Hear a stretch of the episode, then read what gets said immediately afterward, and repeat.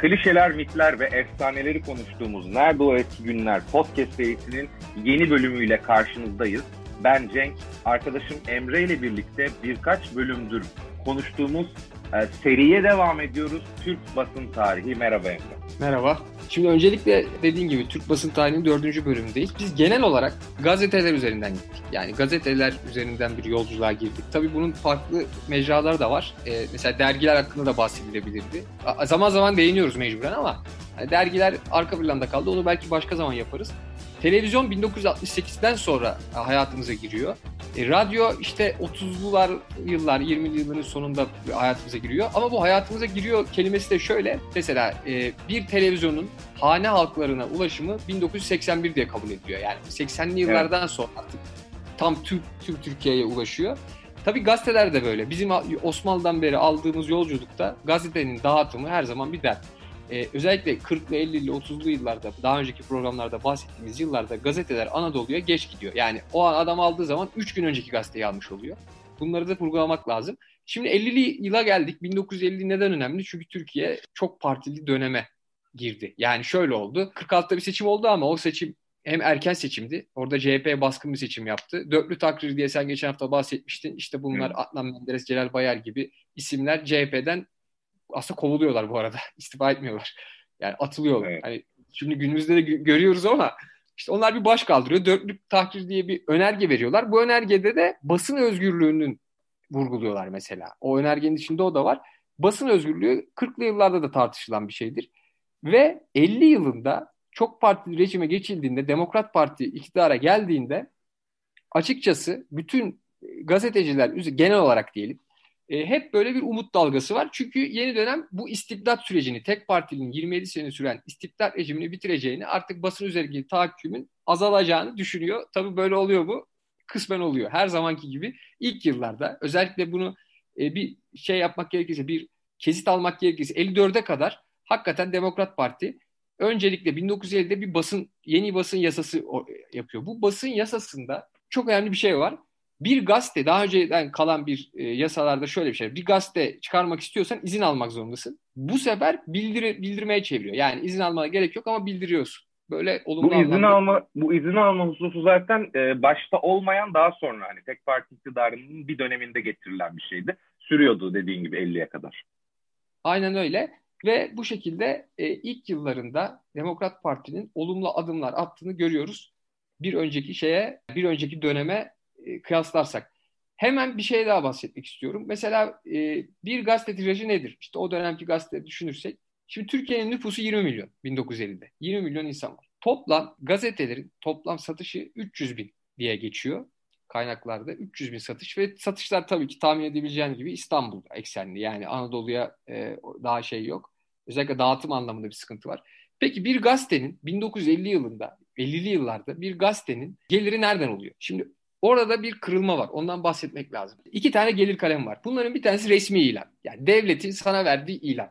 Buna muhtaçsın.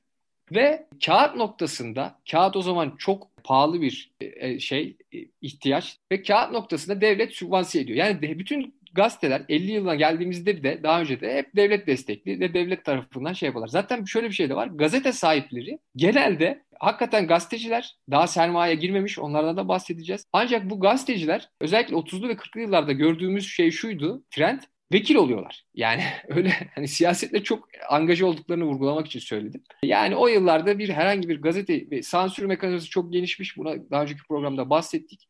50 e, yılında da Demokrat Parti'nin gelişiyle bir umutlanma var. Ancak 50 yılında şöyle bir şey var. E, dediğim gibi resmi ilanlar var ve kağıt sıkıntısı var. Mesela o dönemin en ünlü gazetecilerinden biri var. Bedi Faik anılarında diyor ki kağıt diyor alırken bize diyor bir ara diyor 50'li yıllarda bahsediyor. Demokrat Parti'ye geçiş yaptık. Kağıt sıkıntısı devam ediyor.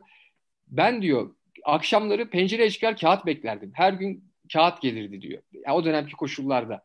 Ve diyor yani ağlamaklı olurdum. Bir gün işte biri, biri mi öldü diye bana sordu diyor. Hayır diyor kağıt bekliyorum. Yani çok temel bir ihtiyaç. Hmm. Bir gazetecisin, bir gazete üretiyorsun. Kağıttan, gözlüyor yani. Yandan gazete gözlüyor. Yani bu çok ciddi bir problem. Bu daha sonra 1960'a gelince buraya bir ek yapacağım. Hatta şimdi yapayım. 1960 yılında e, 61 anayasasıyla beraber işte bazı kanunlar ortaya çıkacak. Onlardan bahsederiz. 61 yasasından sonra da kağıt olayı şu hale geliyor. Devlet 55 liraya ithal ettiği kağıdı 9 liraya gazetecilere veriyor. Yani gazete basılması için. Yani çok net bir devlet sübvansiyonu diyoruz biz buna. Bu sübvansiyondan işte 60 ve 80 yıllar arasındaki en önemli gazeteler Tercüman, Milliyet, Türkiye vesaire, Hürriyet bunlar faydalanıyorlar. Günaydın. Faydalanıyorlar. 80'de ne olacak? 24 Ocak kanunları gelecek ve liberal ekonomiye geçeceğiz. Bu çok önemli bir şey. E, o dönemki gazetelerin şey kendini çevirmesi anlamında ekonomik açıdan. Onlara değineceğiz diyeyim. 50'li yıllar böyle Demokrat Parti geldi olumlu bir hava esiyor ama o olumlu hava yavaş yavaş dağılmaya başlayacak ortalara doğru. Şimdi biz daha önce de işte bu serinin başında konuşurken e, neden bahsetmiştik? Türkiye'de ne yazık ki siyasal kutuplaşma her zaman vardı.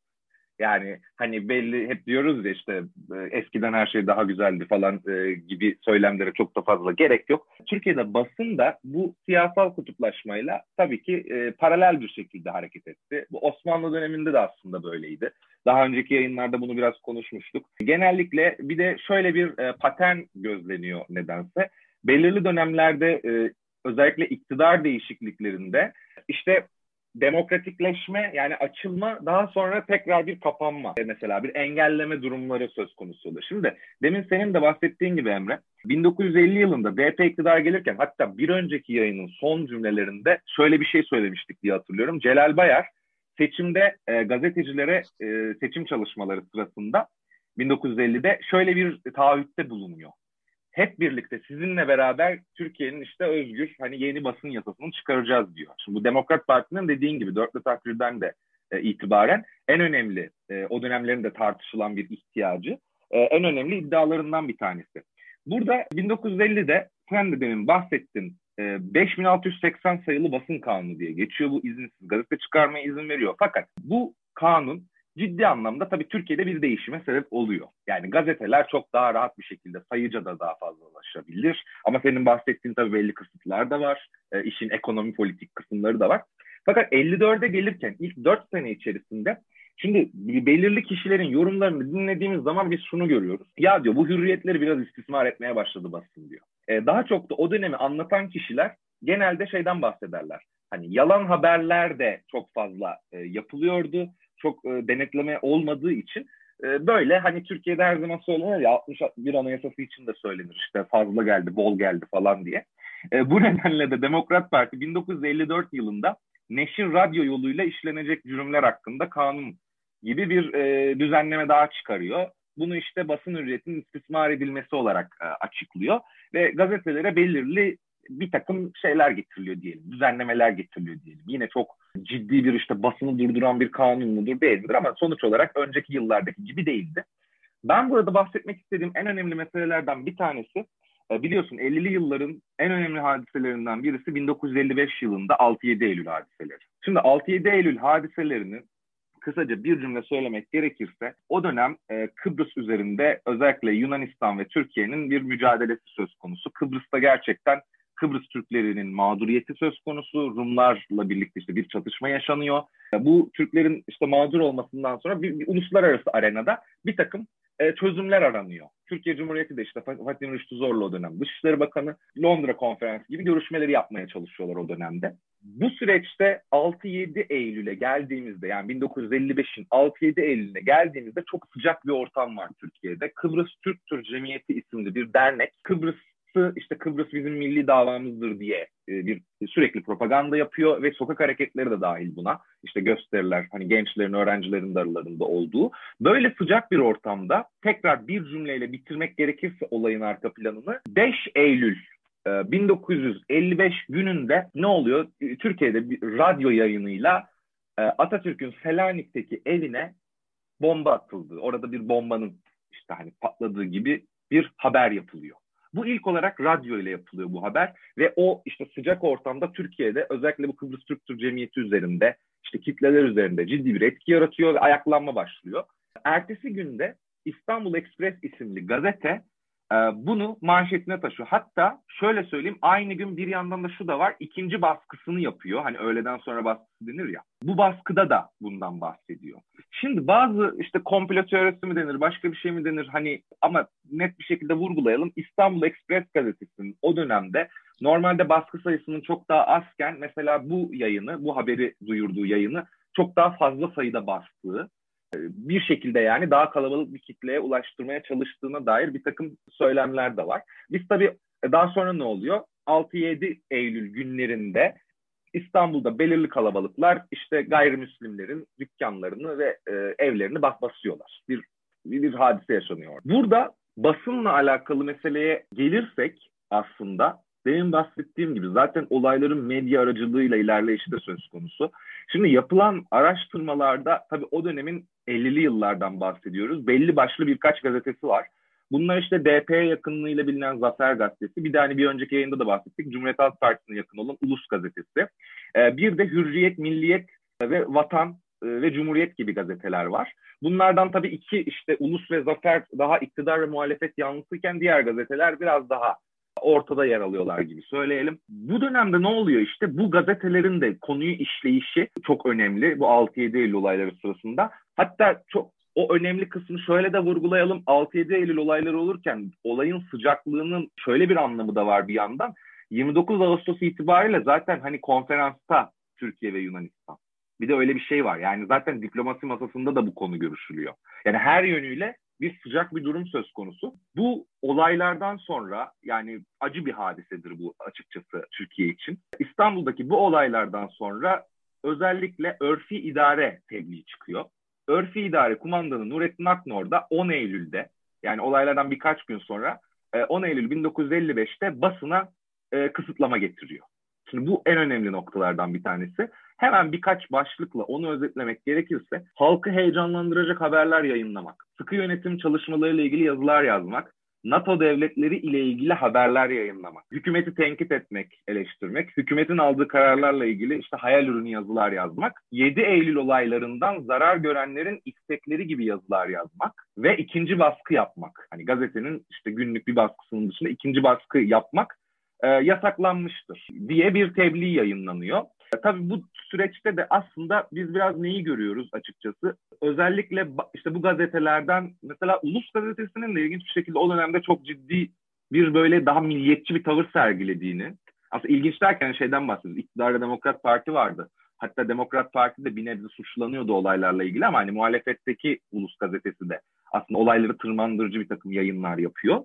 Dönemin işte basın ruhu, o günlerin basın ruhu biraz öyle. Son cümleyle de bu örfi idare e, komutasında özellikle e, olay bu basının arasındaki işte bu dil mücadelesi o kadar ileri gidiyor ki 28 Ekim 1955 yani olayların üzerinden bir aydan fazla geçmiş. Bu örfi idare kumandanlığı Cumhuriyet Bayramı öncesinde 29 Ekim öncesi başkentin en büyük iki gazetesi denilen Ulus ve Zafer gazetelerini bir sonraki emre kadar yasaklıyor. Ve bunun gerekçesi olarak da gazetelerin orduyu iç politika tartışmalarına alet etmeleri olarak söylüyor. Ee, bu şekilde bu fazı tamamlayalım. Sözü sana bırakalım. Şöyle 6 olayları dediğin gibi e, çok acı bir şekilde sona erdi. Daha sonra işte 1991 yılında e, Sabri 25 diye bir e, şey vardı asker sen hatırlarsın. Bir şey ifadesi var. Bir röportajda Tempo dergisiyle diyor ki 6-7 Eylül bir özel harp işiydi. Muhteşem bir örgütlenmeydi diyor. Hani o zamanki Gladio tartışmalarında özellikle 2000'li yıllarda yeniden nükseden Gladio tartışmaları içinde e, o hadise örnek gösterilir. Yani o hadisenin aslında bir operasyon olduğu söylenir. Ama operasyonun e, tahmin edilen boyutları trajik bir şekilde aştığı söyleniyor. Ki sonuçları acı oldu. Dediğin gibi büyük bir yağma var. E, üç ölü var deniyor. Çok yaralı var diyor. Başka menfur hadiseler var deniyor. Tam rakamları bulmak imkansız diyelim. Şimdi bu 50'li yıllarda dediğimiz gibi Demokrat Parti ilk geldiğinde iyileştirme yani basın özgürlüğü anlamında olumlu adımlar atıyor. Bunların biri de 52 yılında sendika kurma hakkı veriyor ve 52 yılında tam da Türkiye Gazeteciler Sendikası kuruluyor. Şimdi bu sendika hala devam ediyor. Yine 1946 yılında Türkiye Gazeteciler Cemiyeti var. İşte bunlar e, örgütlenme, yani kendi haklarını talep etme anlamında gazeteciler için olumlu gelişmeler olarak yansıyor. Ancak dediğimiz gibi 50'li yılların ikinci döneminde işler kötüye doğru gidecek. Yani bu anlamda Demokrat Parti ve CHP arasındaki e, kutuplaşma çok artacak ve bence Türk siyasi tarihinin en kutuplaşılmış yıllarından bence bir numaraya da koyabilirim. Çok e, gerilim çok artıyor, tansiyon çok artıyor. Bu tabii ki medyaya da yansıyor. Medyada da kutuplaşma artıyor. Zaten 27 Mayıs'a giden süreçte de e, bu kutuplaşma yüzünden e, muhalif blokta kalanların 27 Mayıs'ı yekpare bir şekilde desteklediğini göreceğiz. İşte o dönem çok ünlü gazeteciler Ahmet Emin Yalman, biz hep e, geçen programlarda da andığımız o dönem için çok önemli. Bu isimler hep böyle hapise gidiyor. Bir şekilde şey yapıyor yani cezalandırılıyorlar. Başlarına böyle hadiseler geliyor diyelim. 60-27 Mayıs darbesine gel gelirsek 27 Mayıs darbesine basın genel anlamıyla destekliyor. Özellikle darbe olduktan sonra Türk siyasi tarihinin en azından Cumhuriyet'in ilk darbesi. Ardından bazı gazete manşetleri var. İşte tercüman ki tercüman milliyetçi mukaddesatçı bir gazetedir. Yani o zaman da o çizgide aslında ama işte milletçe bayram sevinci içindeyiz diye bir manşeti var. E, Cumhuriyet zaten muhalif blokta. Onun işte kahraman Türk ordusu diye manşetlere taşıyor. Hürriyet Türk ordusu vazife başında diye bir manşeti var. Vatan o dönemin önemli gazetelerinden daha sonra işte şey yapamıyor. Ekonomik anlamda darboğaza düşüp kapanan bir gazete. Bir bayram havası tüm yurdu kapladı gibi bir manşeti var. Şimdi bunlar yani genel olarak ve e, senin az önce bahsettiğin Demokrat Parti ile özdeşleşen bir gazete var. Zafer. Bu gazete kapanacak. Yani 27 Mayıs'tan sonra bu gazete yok artık. E, tamamen gidiyor. Ve benim için aslında çok daha farklı ve trajik olan manşetler sonraki hafta atılıyor. Şimdi hmm. 2 Haziran günü Milliyet Gazetesi'nin bir manşeti var. Bu çok ünlüdür. Bunu iyi bildiğini biliyorum. Buzhanelerden toplu ceset çıktı. Evet. Şimdi şuraya geliyor. İkinci manşetim şu. 4 Haziran bir hafta sonra Akşam Gazetesi bu sefer. Bunlar o dönemin en güçlü gazeteleri. Milliyet bir akşam hala devam ediyor zaten. Akşam gazetesi diyor ki cesetler yem makinelerinde kıyılıp toz haline getirilmiş. Şimdi burada ima edilen şey şu. 27 Mayıs darbesinin e, meşrulaştırma çabaları deniyor. Yani Demokrat Parti'nin üniversite öğrencilerini kıyma makinesine atıp öl, öldürdüğü iddiası gazetelerde yer alıyor manşetlerde. Milliyet gazetesinin aynı şekilde işte toplu bir kıyım yapıldığını iddia ediliyor. Bu o dönemin en talihsiz manşetleri ve o iddialar daha sonra tabii çürütülen iddialar bunlar. Doğru olmayan hadiseler. E, ama o döneme damga vuran gelişmeler. Yani darbeyi meşrulaştırma anlamında enteresan olan şeyler. 1961 Anayasası 60 darbesinden sonra işte bu 27 Mayıs yansımasını hani bitirmeden önce bu bahsettiğim tam konuya hitap ediyor aslında Ulus gazetesinde de e, bir şey var. İşte bu kıyma makinesi meselesinden bahsediliyor. Fakat orada ilginç olan şeylerden bir tanesi Lima Sutra isimli gayrimüslim bir vatandaş iktidar tarafından öldürülerek kıyma makinesinde de çekilmiştir diye bir haberi var Ulus Gazetesi'nin. Ee, bunu neye dayandırıyorlar? Bir vatandaşın mektubuna. Yani bir vatandaş böyle bir ihbar mektubu göndermiş. Hatta şey şöyle bir ifade de var aslında onu da söyleyelim. Bu Lima Sutra'nın da tersten okuduğunuz zaman 27 Mayıs'ın Devlet ve Adalet Bakanı Amil Artus olduğu falan da söyleniyor.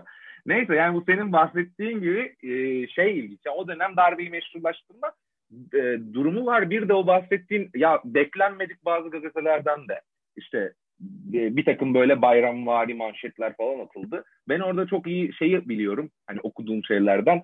Birçok yazar normalde muhafazakar kimliğiyle tanıdığınız edebiyatçı yazar falan da ilginç bir şekilde darbeyi övüyorlar 27 Mayıs. Onu da söylemiş olalım. Aynen öyle. Zaten şimdi 1971 muhtırası yani kısmi darbeliğe de e, destekleyenleri az sonra söyleyeceğim. Şimdi 60 darbesi olduktan sonra ne oluyor? 61 anayasası var. Şimdi 61 anayasası Türkiye için en özgürlükçü anayasa diye bir şey vardır. Bir görüş vardır. Bu bir perspektif, bu bir bakış. Belli anlamlarda da doğru. Ama özellikle basın anlamında doğru. Tabii ki ama darbe anayasası. Bunu da atlamamak lazım. Yani darbecilerin yaptığı bir anayasa. Bunu göz ardı etmemek lazım.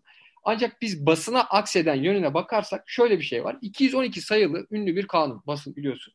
Gazeteciler o ana kadar hani e, belli haklar var ama daha gazetecilikte profesyonel tam gelmemiş. Yani 50 yılında evet. mesela ilk defa İstanbul Gazetecilik Okulu açılıyor. Yani ve 1961 Anayasası beraber iki tane senin az önce bahsettiğin çok uzun kelimeli bir şey vardı ya uzun bir kanun vardı 54 yılında. İşte ne, basın ve radyo e, ha, yani yoluyla uzun, işlenecek cürümler yani cürümleri engelleyen sansür mekanizmasıdır o. Hani sansür kanunu diyebiliriz. E, o kanun mesela kaldırılıyor. Ardından ispat hakkı geri geliyor. İspat hakkı nedir? İşte ben gazeteciyim, bir iddiada bulunuyorum. Ardından bana diyorlar ki ya sen bu iddiayı nasıl bulundurdun? İspat etme hakkım bir daha önceki e, yıllarda o dönemde, o e, kutuplaşma döneminde bir şekilde alınıyor falan. Burada o hak geri geliyor. Bu önemli bir kazanım derler. Ama en önemlisi bir gazeteci için şu. Gazeteciler haber alma, haberi şey objektif bir şekilde herhangi bir baskı mekanizmasından geçmeden verme anlamında olumlu bir kanun olan şu var. Gazeteciler istifa etse bile kıdem ve ihbar tazminatlarını alıyorlar. Ve şöyle alıyorlar. Mesela ben 5 sene bir kurumdayım ama 20 senelik gazeteciyim. O kurumdan 5 senelik kurumumdan gazeteciliğe başladığım ilk günden itibaren olan tazminatı alıyor. Ve şimdi çok ilginç bir şey oluyor. Bu kanun bir gazeteci için tabii bir rüya gibi ama bir gazete sahibi için de kabus gibi. Ve gazeteci sahipleri şöyle bir işte tam da 6 Ocak günü 1961'de 3 gün gazete çıkarmıyoruz diyorlar. Yani onlar da hmm. bir nevi gazeteye prote bu kanunu protesto ediyorlar. Onların dediği de şu biz diyorlar yani ben adamı bir şekilde istifa eden bir adamın geçmişte ben de ben de bir sene çalışmış 29 senelik gazetecilik geçmişi var mesela. Ben 29 senelik tazminat ödemek istemiyorum diyorlar. Ve buna karşılık da bu 3 gün gazete ve gazeteciler de şöyle bir protestoya karşılık ediyorlar. Basın gazetesi adı altında müşterek bir gazete çıkarıyorlar. 3 günlük. O 3 gün boyunca gazete çıkıyor. Ve o, o günlerin şöyle bir bakiyesi var. 10 Ocak Dünya Çalışan Gazeteciler Günü. Ay dünya diyorum. Çalışan Gazeteciler Günü o günlerden bize e, kalan bir e, gün. 10 Ocak günü bu şekilde yani o 3 Ocak 3, 3 gün üst üste işte gazete çıkıyor ve 10 Ocak günü gazeteciler buna karşı protesto ediyorlar. Ve o günden sonra kalıyor zaten bugün de yıl dönümü. Yani 10 Ocak çalışan gazeteciler günü. Öyle 9 yarın. Tesadüf de evet. oldu. Bu 61 anayasasının basın hakkı hakları geliyor. E, gazetecilerin bu anlamda en oldukları yönü belki de bu diyebiliriz. En azından özlük hakları anlamında diyelim. Şimdi 60'lar ve 70'ler Türkiye'nin belki de en aslında senin dediğin gibi kutuplaşma vardı. Daha sonra işte çok daha farklı bir şeye evrildi. 27 Mayıs ihtilalinden sonra. E, aynen. 61'den sonra işte CHP'nin koalisyon hükümetleri gelecek. E, ardından işte Johnson mektubu. Bunu gazete, gazeteci o dönemin Cüneyt Arcıörek ortaya çıkardı.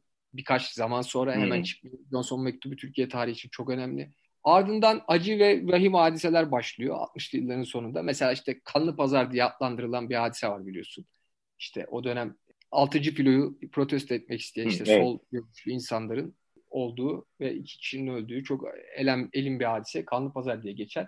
Şimdi o, o dönemki gazeteciler e, işte şöyle yani daha muhafazakar, mukaddesatçı olan diyelim ve Demirel yanlısı olan gazeteler kendi zaviyesinden görürken İnönü ve CHP işte daha sonra Ecevit'in e, tarafında olduğunu düşündüğümüz gazeteler işte e, farklı bir görüşten geçiyorlar. Burada önemli bir tarih var. 71 yılı. 71 muhtıra ilan edilir 12 Mart günü. Ve bunun şöyle bir önemi var. 12 Mart'ta çok ilginç destekler var. Demirel istifa etmek zorunda kalır ve hükümet düşer. E, asker fiilen el koyar. Mesela Abdi İpekçi işte çok demokrat olarak görülür ve e, o dönemler en önemli gelen yayın yönetmeni Milliyet Gazetesi'nin o muhtıraya destek veren bir yazı yazıyor. Nadir Nadi, Cumhuriyet Gazetesi o da muhtıraya destek veriyor. İlhan Selçuk. Şimdi bunun ilginç olan şu. Bu üç isim de sol görüşlü insanlar ve daha sonra bu 12 Mart'ın düşündükleri gibi olmamasının ceremesini de çekecekler. Çünkü 12 Mart daha solculara çok etkileyen bir darbe oldu. Ve Ziber ve Köşkü işkenceleri var durumda biliyorsun. Evet. O işkenceler de genelde olarak solcular üzerinde yapıldı. Bu işkence görenlerden bir de İlhan Selçuk. Yani kendi desteklediği darbenin en azından yazı olarak akabinde desteklediği darbenin kurbanı haline geldi diyelim. Ardından e, bu darbeyi de geçersek 70'li yıllarda tabii elim hadiseler var. Örnek veriyorum Maraş'ta olan hadise var. Çok acı işte 111 kişinin öldüğü. O hadisede de ertesi günkü gazeteleri incelediğimizde işte o hadisenin olduğu zaman Ecevit hükümette. İşte Ecevit'in karşı bloğu diyebileceğimiz gazeteler Ecevit hükümetini suçluyor. İşte Tercüman Günaydın Akşam. İşte bu olayın faturasını Ecevit'e kesiyor. Diğer tarafa baktığımız zaman işte Cumhuriyet Aydınlık gibiler işte ülkücülerin ya da MHP'lilerin ya da işte milliyetçilerin diyelim daha doğrusu milliyetçilerin başrol oynadığı bir hadise olduğunu söylüyor. Ve 70'li yıllarda da zaten o bitmeyen Ecevit Demirel ve koalisyon dönemleri ve Ecevit Demirel arasındaki atışmalar vardır. O dönemde basın yine bu hadiselerde çok enteresan ve çok başlıklar atıyor e, diyelim. Bir noktaya daha ben değinmek istiyorum. O da şu. Şimdi gazeteler, ilk gazeteciler gazeteciydi yani. yani meslekleri buydu. Gazetecilik. Bu kırılma şöyle yaşanıyor. 1948'de ilk kez sermayeden biri gazeteyi alıyor. Bu hangi gazete? Yeni Sabah gazetesi. Yani sermayenin girişi. Şu an mesela bütün gazete sahipleri iş adamı biliyorsun. Gazeteci falan kalmadı kurulma 1948'de ilk defa e, bir tüccar olan Safa Kılıçoğlu Yeni Sabah diye daha sonra ömrü çok uzun olmayan bir gazete bu 60 yıllarda sona eriyor. O gazeteyi alıyor Ve daha sonra işte e, yavaş yavaş sermaye akışı olacak. Yani 50'li 60'lı yıllar geçtikçe dağıtım anlamında tabii teknolojik yenilikler oluyor. Matbaa anlamında, baskı anlamında yenilikler oluyor. Renkli kağıda geçiliyor 50'li yıllarda falan.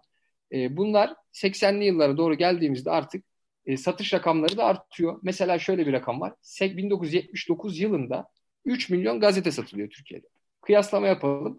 1970'te 2 milyondu toplam evet. gazete satışı. 1979'da 3 milyona çıkıyor. Gazetecilik o dönem işte en önemli gazeteler ne dersen Hürriyet, Milliyet, en başta gelen gazeteler bunlar diyelim. Cumhuriyet her zamanki gibi. O gazeteler zaten şu anda kimliklerini bir nevi koruyorlar. İşte tercüman çok önemli. Günaydın çok önemli. Gün, e, Günaydın'ın şöyle bir hikayesi var. Simavi kardeşler. Hürriyet gazetesi işte evet. babaları da Simavi'ydi. Araları bozulunca büyük kardeş olan Haldun Simavi e, gidiyor Günaydın Gazetesi'ni açıyor 70'li yıllarda ve Günaydın Gazetesi 68'de Günaydın'ı kuruyor. Böyle bir bölüm oluyor kardeşler arasında. Biri Hürriyet'te kalıyor, biri Günaydın'da kalıyor. Bunlar o dönemin en popüler e, gazeteleri. 70'li yıllarda da yine genel olarak olumsuz e, hadiseler çok oluyor. Bu hadiseler üzerinde her zaman bir sansür mekanizması var. Hani her zaman her şeyi yazamıyorsun diyebiliriz. Ve tabii işte bahsettiğin gibi yani o zorlu yıllarda gazeteci cinayetlerinden de şeye giden süreçte, 80'e giden süreçte söz edilebilir. Şöyle diyelim artık darbeye geldik galiba. Hani bu programımızı 30 yıllık planlamıştık. O 50 ve 80 arasını. Darbede önce çok önemli bir hadise var. 24 Ocak 1980 kanunları, ekonomik kanunlar. Hani liberal perspektif geliyor. Serbest piyasa Türkiye'ye geliyor. Demirel hükümeti var o zaman. Bunun gazetelere yansıyışı şu. Demirel o dönem serbest piyasaya geçtik artık. E, sübvansiyon yok diyor ve kağıtların fiyatı bir anda 41 milyona çıkıyor. Yani o dönem 41 liraya, liraya çıkıyor. E, bir anda 9 liradan hani o civardayken devlet sübvanse ederken bir anda 41 liraya çıkınca e, gazeteler içinde maalesef kötü günler başlayacak. Ancak bu ekonomik darboğaza nasıl çıkılacak ona önümüzdeki program anlatırız. Artık sermaye dışarıdan gelecek, iş adamları gazeteleri alacak ve onlar gazetenin sahipleri olacak. Artık gazetecilik yavaş yavaş sahiplik anlamında el değiştiriyor olacak. Ve evet bir sonraki programda 80'lerle başlayacağız. Zaten o simavilerin artık yavaş yavaş belki tahtlarını bırakmaları, Aydın Doğan döneminin ki Aydın Doğan şu anda çekilmiştir ama çok uzun bir süre Türkiye'de medya ile anılan bir adamdı. Bunu da önümüzdeki yayınlarda konuşacağız. Ona da şöyle söyleyeyim. Tam 1980'de alıyor Aydın Doğan Milliyeti. Niye Hı. derler? Ona da şöyle derler. Ali Naci Karacan o zaman Millet'in gazete sahibi. Abdi İpekçi suikastinden sonra benim ne işim var bu işlerde? Çünkü onun çok ünlü bir genel yayın yönetmeniydi. Yani genel yayın yönetmeni anlamında Türkiye tarihinin belki en ünlü ismi. Abdi İpekçi suikast, suikaste uğrayınca 1979'da ve terör olayları şeye çıkıyor. Ve o dönem o gazeteyi Aydınlan alıyor ve onun dönemi başlıyor. Son bir notum var. Ee, bu ilginç bir nokta. Gazetelerdeki kadın çalışanlar. Ee, o zaman çok az. 50'li yıllarda çok az. Hatta bizim bir önceki programda da bahsettiğimiz Refi Cevat Ulunay var. Yani biliyorsun mütareke evet. basında var vardı. Mesela o dönem Leyla Umar vardır. İşte ilk kadın muhabir diye mi geçiyor? Hı hı. Onu kabullenemiyormuş mesela. Hani o diyormuş evet. ki yani Refi Cevat bunun ne işi var burada? Çünkü o tam eski old school bir adam. Yani eski kafalı bir adam. Hani bir kadının gazeteci olması, muhabir olması onun için çok kabul... Yani o zihniyet farkı yani. Çok net bir kuşak farkı görüyorsun. Ve ilginç bir isim var. Bir foto muhabiri var kadın. Spor. Eleni. Hı. Eleni diye geçiyor. E, kadın e, zaten gayrimüslim adı üstünde ve o o dönem hakikaten foto muhabirliği yapıyormuş. O çok hani en ayrıksı portre o bu anlamda. Özellikle sporda. Ama, sporda mı? Evet aynen çok ilginç. Mesela maçlarda işte ona yani maçlarda görev alan bir Foto ya muhabiri. Aslında ben şey hani şöyle bir şey söylemek istiyorum. Türkiye'de de çok yani şimdi biz Amerikan yapımı filmlere bakıyoruz. Bu tür hikayeleri genelde anlatırlar biliyorsunuz. 1940'lı yıllarda bir kadının işte gazetecilikteki hayatı falan. Aslında Türkiye'de de çok fazla hikaye var ama ne yazık ki bunları çok fazla inceleyemiyoruz. Aynen. Eleni var. E, dur soyadını da söyleyeyim. Ve şey var. Nimet Arzık diye çok ünlü bir gazeteci var. O şu an hiç tanınmıyor ama o mesela 50-60'lı yıllarda çok önemli bir gazeteci. E, onun eşi de enteresan bir bağ söyleyeyim. Böyle bir Yalçın Küçüklük bir çıkış olsun. Bir e, harita üzerinden isimler eşleştirelim. Anadolu Ajansı Genel Müdürü olan Şerif Arzık işte o da 1959 yılında Londra'daki Adnan Menderes'e çok yakın bir isim. Uçak kazasında ölüyor. Menderes'in biliyorsun Londra'da bir uçak kazası oluyor. Doğru. Orada ölüyor. Onun eşi Nimet Arzık çok ilginç bir hayat hikayesi var. O dönemin en ünlü kadın gazetecisi diyebiliriz rahatlıkla. Bu kadın spor foto muhabirinin adı da Eleni Küreman. Aslında hmm. hakikaten onun böyle hikayesi yapılabilir. Hani Türkiye gibi özellikle. Yani dünyada da öyle bu arada. Türkiye demeyelim. Doğru doğru yani, tabii. Erkek egemen bir piyasada bir kadın olarak şey yapıyor. Ve son bir not, bunu da söylemem lazım. Beyoğlu muhabirliği diye bir şey var. Ve hmm. Beyoğlu muhabirliği deyince 50'li Baba Ali dönemi yani. Bu artık e, şeye plaza dönemine 80'lerde biz geçeceğiz de. 80 öncesi Babi Ali diye geçiyor bizim anlattıklarımız genelde. Babi Ali mektupları. Böyle çok nostaljik oldu. Evet, evet. E, Beyoğlu gazeteciliği şuymuş 50-60'lı yıllarda yabancı dil bilen diplomatik yani diplomasi muhabiri gibiler. O dönemki yani oradaki... Monşer mi aslında? Beyoğlu muhabiri diye böyle aklıma direkt o geldi. Hani pejoratif bir söylemle bunlar zaten Beyoğlu muhabiri. Allah ya, bilmiyor muydu bilmiyorum açıkçası. Şöyleymiş. O dönem işte elçilikler vesaire yani elçilik evet, konsolosluklar ya da önemli Orada, mesela tabii. bir ziyaretçi geldiğinde biz hani zaten bunu anlatıyoruz. İstanbul bu işin merkezi ve merkezi de Taksim ve Beyoğlu biliyorsun. Hani biz bunu eğlence hayatı orada diplomasi ayağı orada yabancı evet, gelen bizim orada otelde kalıyor falan. Onları takip eden insanları da Beyoğlu muhabirliği diyor. Bu ciddi bir ünvan ama bizim algımız mesela benim algım magazin işlerine bakıyor herhalde falan evet, değil mi? Evet evet. Ama öyle değil. Böyle o dönem için ünlü bir şey var. E, 80'li yıllara geldik. Özal dönemini başlatacağız ve gazeteleri Bağbali'den plazalara taşıyacağız. Emre ben çok teşekkür ediyorum. Bu kadar uzun bir dönemi, 30 senelik bir dönemi gerçekten bence güzel inceledik. Çok detaylı e, bilgiler verdin. Çok teşekkürler. Bizi dinlediğiniz için ben çok teşekkür ediyorum. Bu arada programın başında zannediyorum e, duyuru yapmayı unuttuk. O nedenle şimdi yapalım. E, Podcasterapp.net yayında e, bizim de içinde bulunduğumuz podcast ağlarını, e, podcast ekosistemini bu web sitesinde podcasterapp.net'te bulabilirsiniz. Bizi oradan da dinleyebilirsiniz. Çok teşekkür ediyoruz. Pat, bir sonraki pat, yayında görüşmek üzere. Patronumuza evet. da selam söyleyeyim. Patronumuza selam söylüyoruz. Hoşçakalın.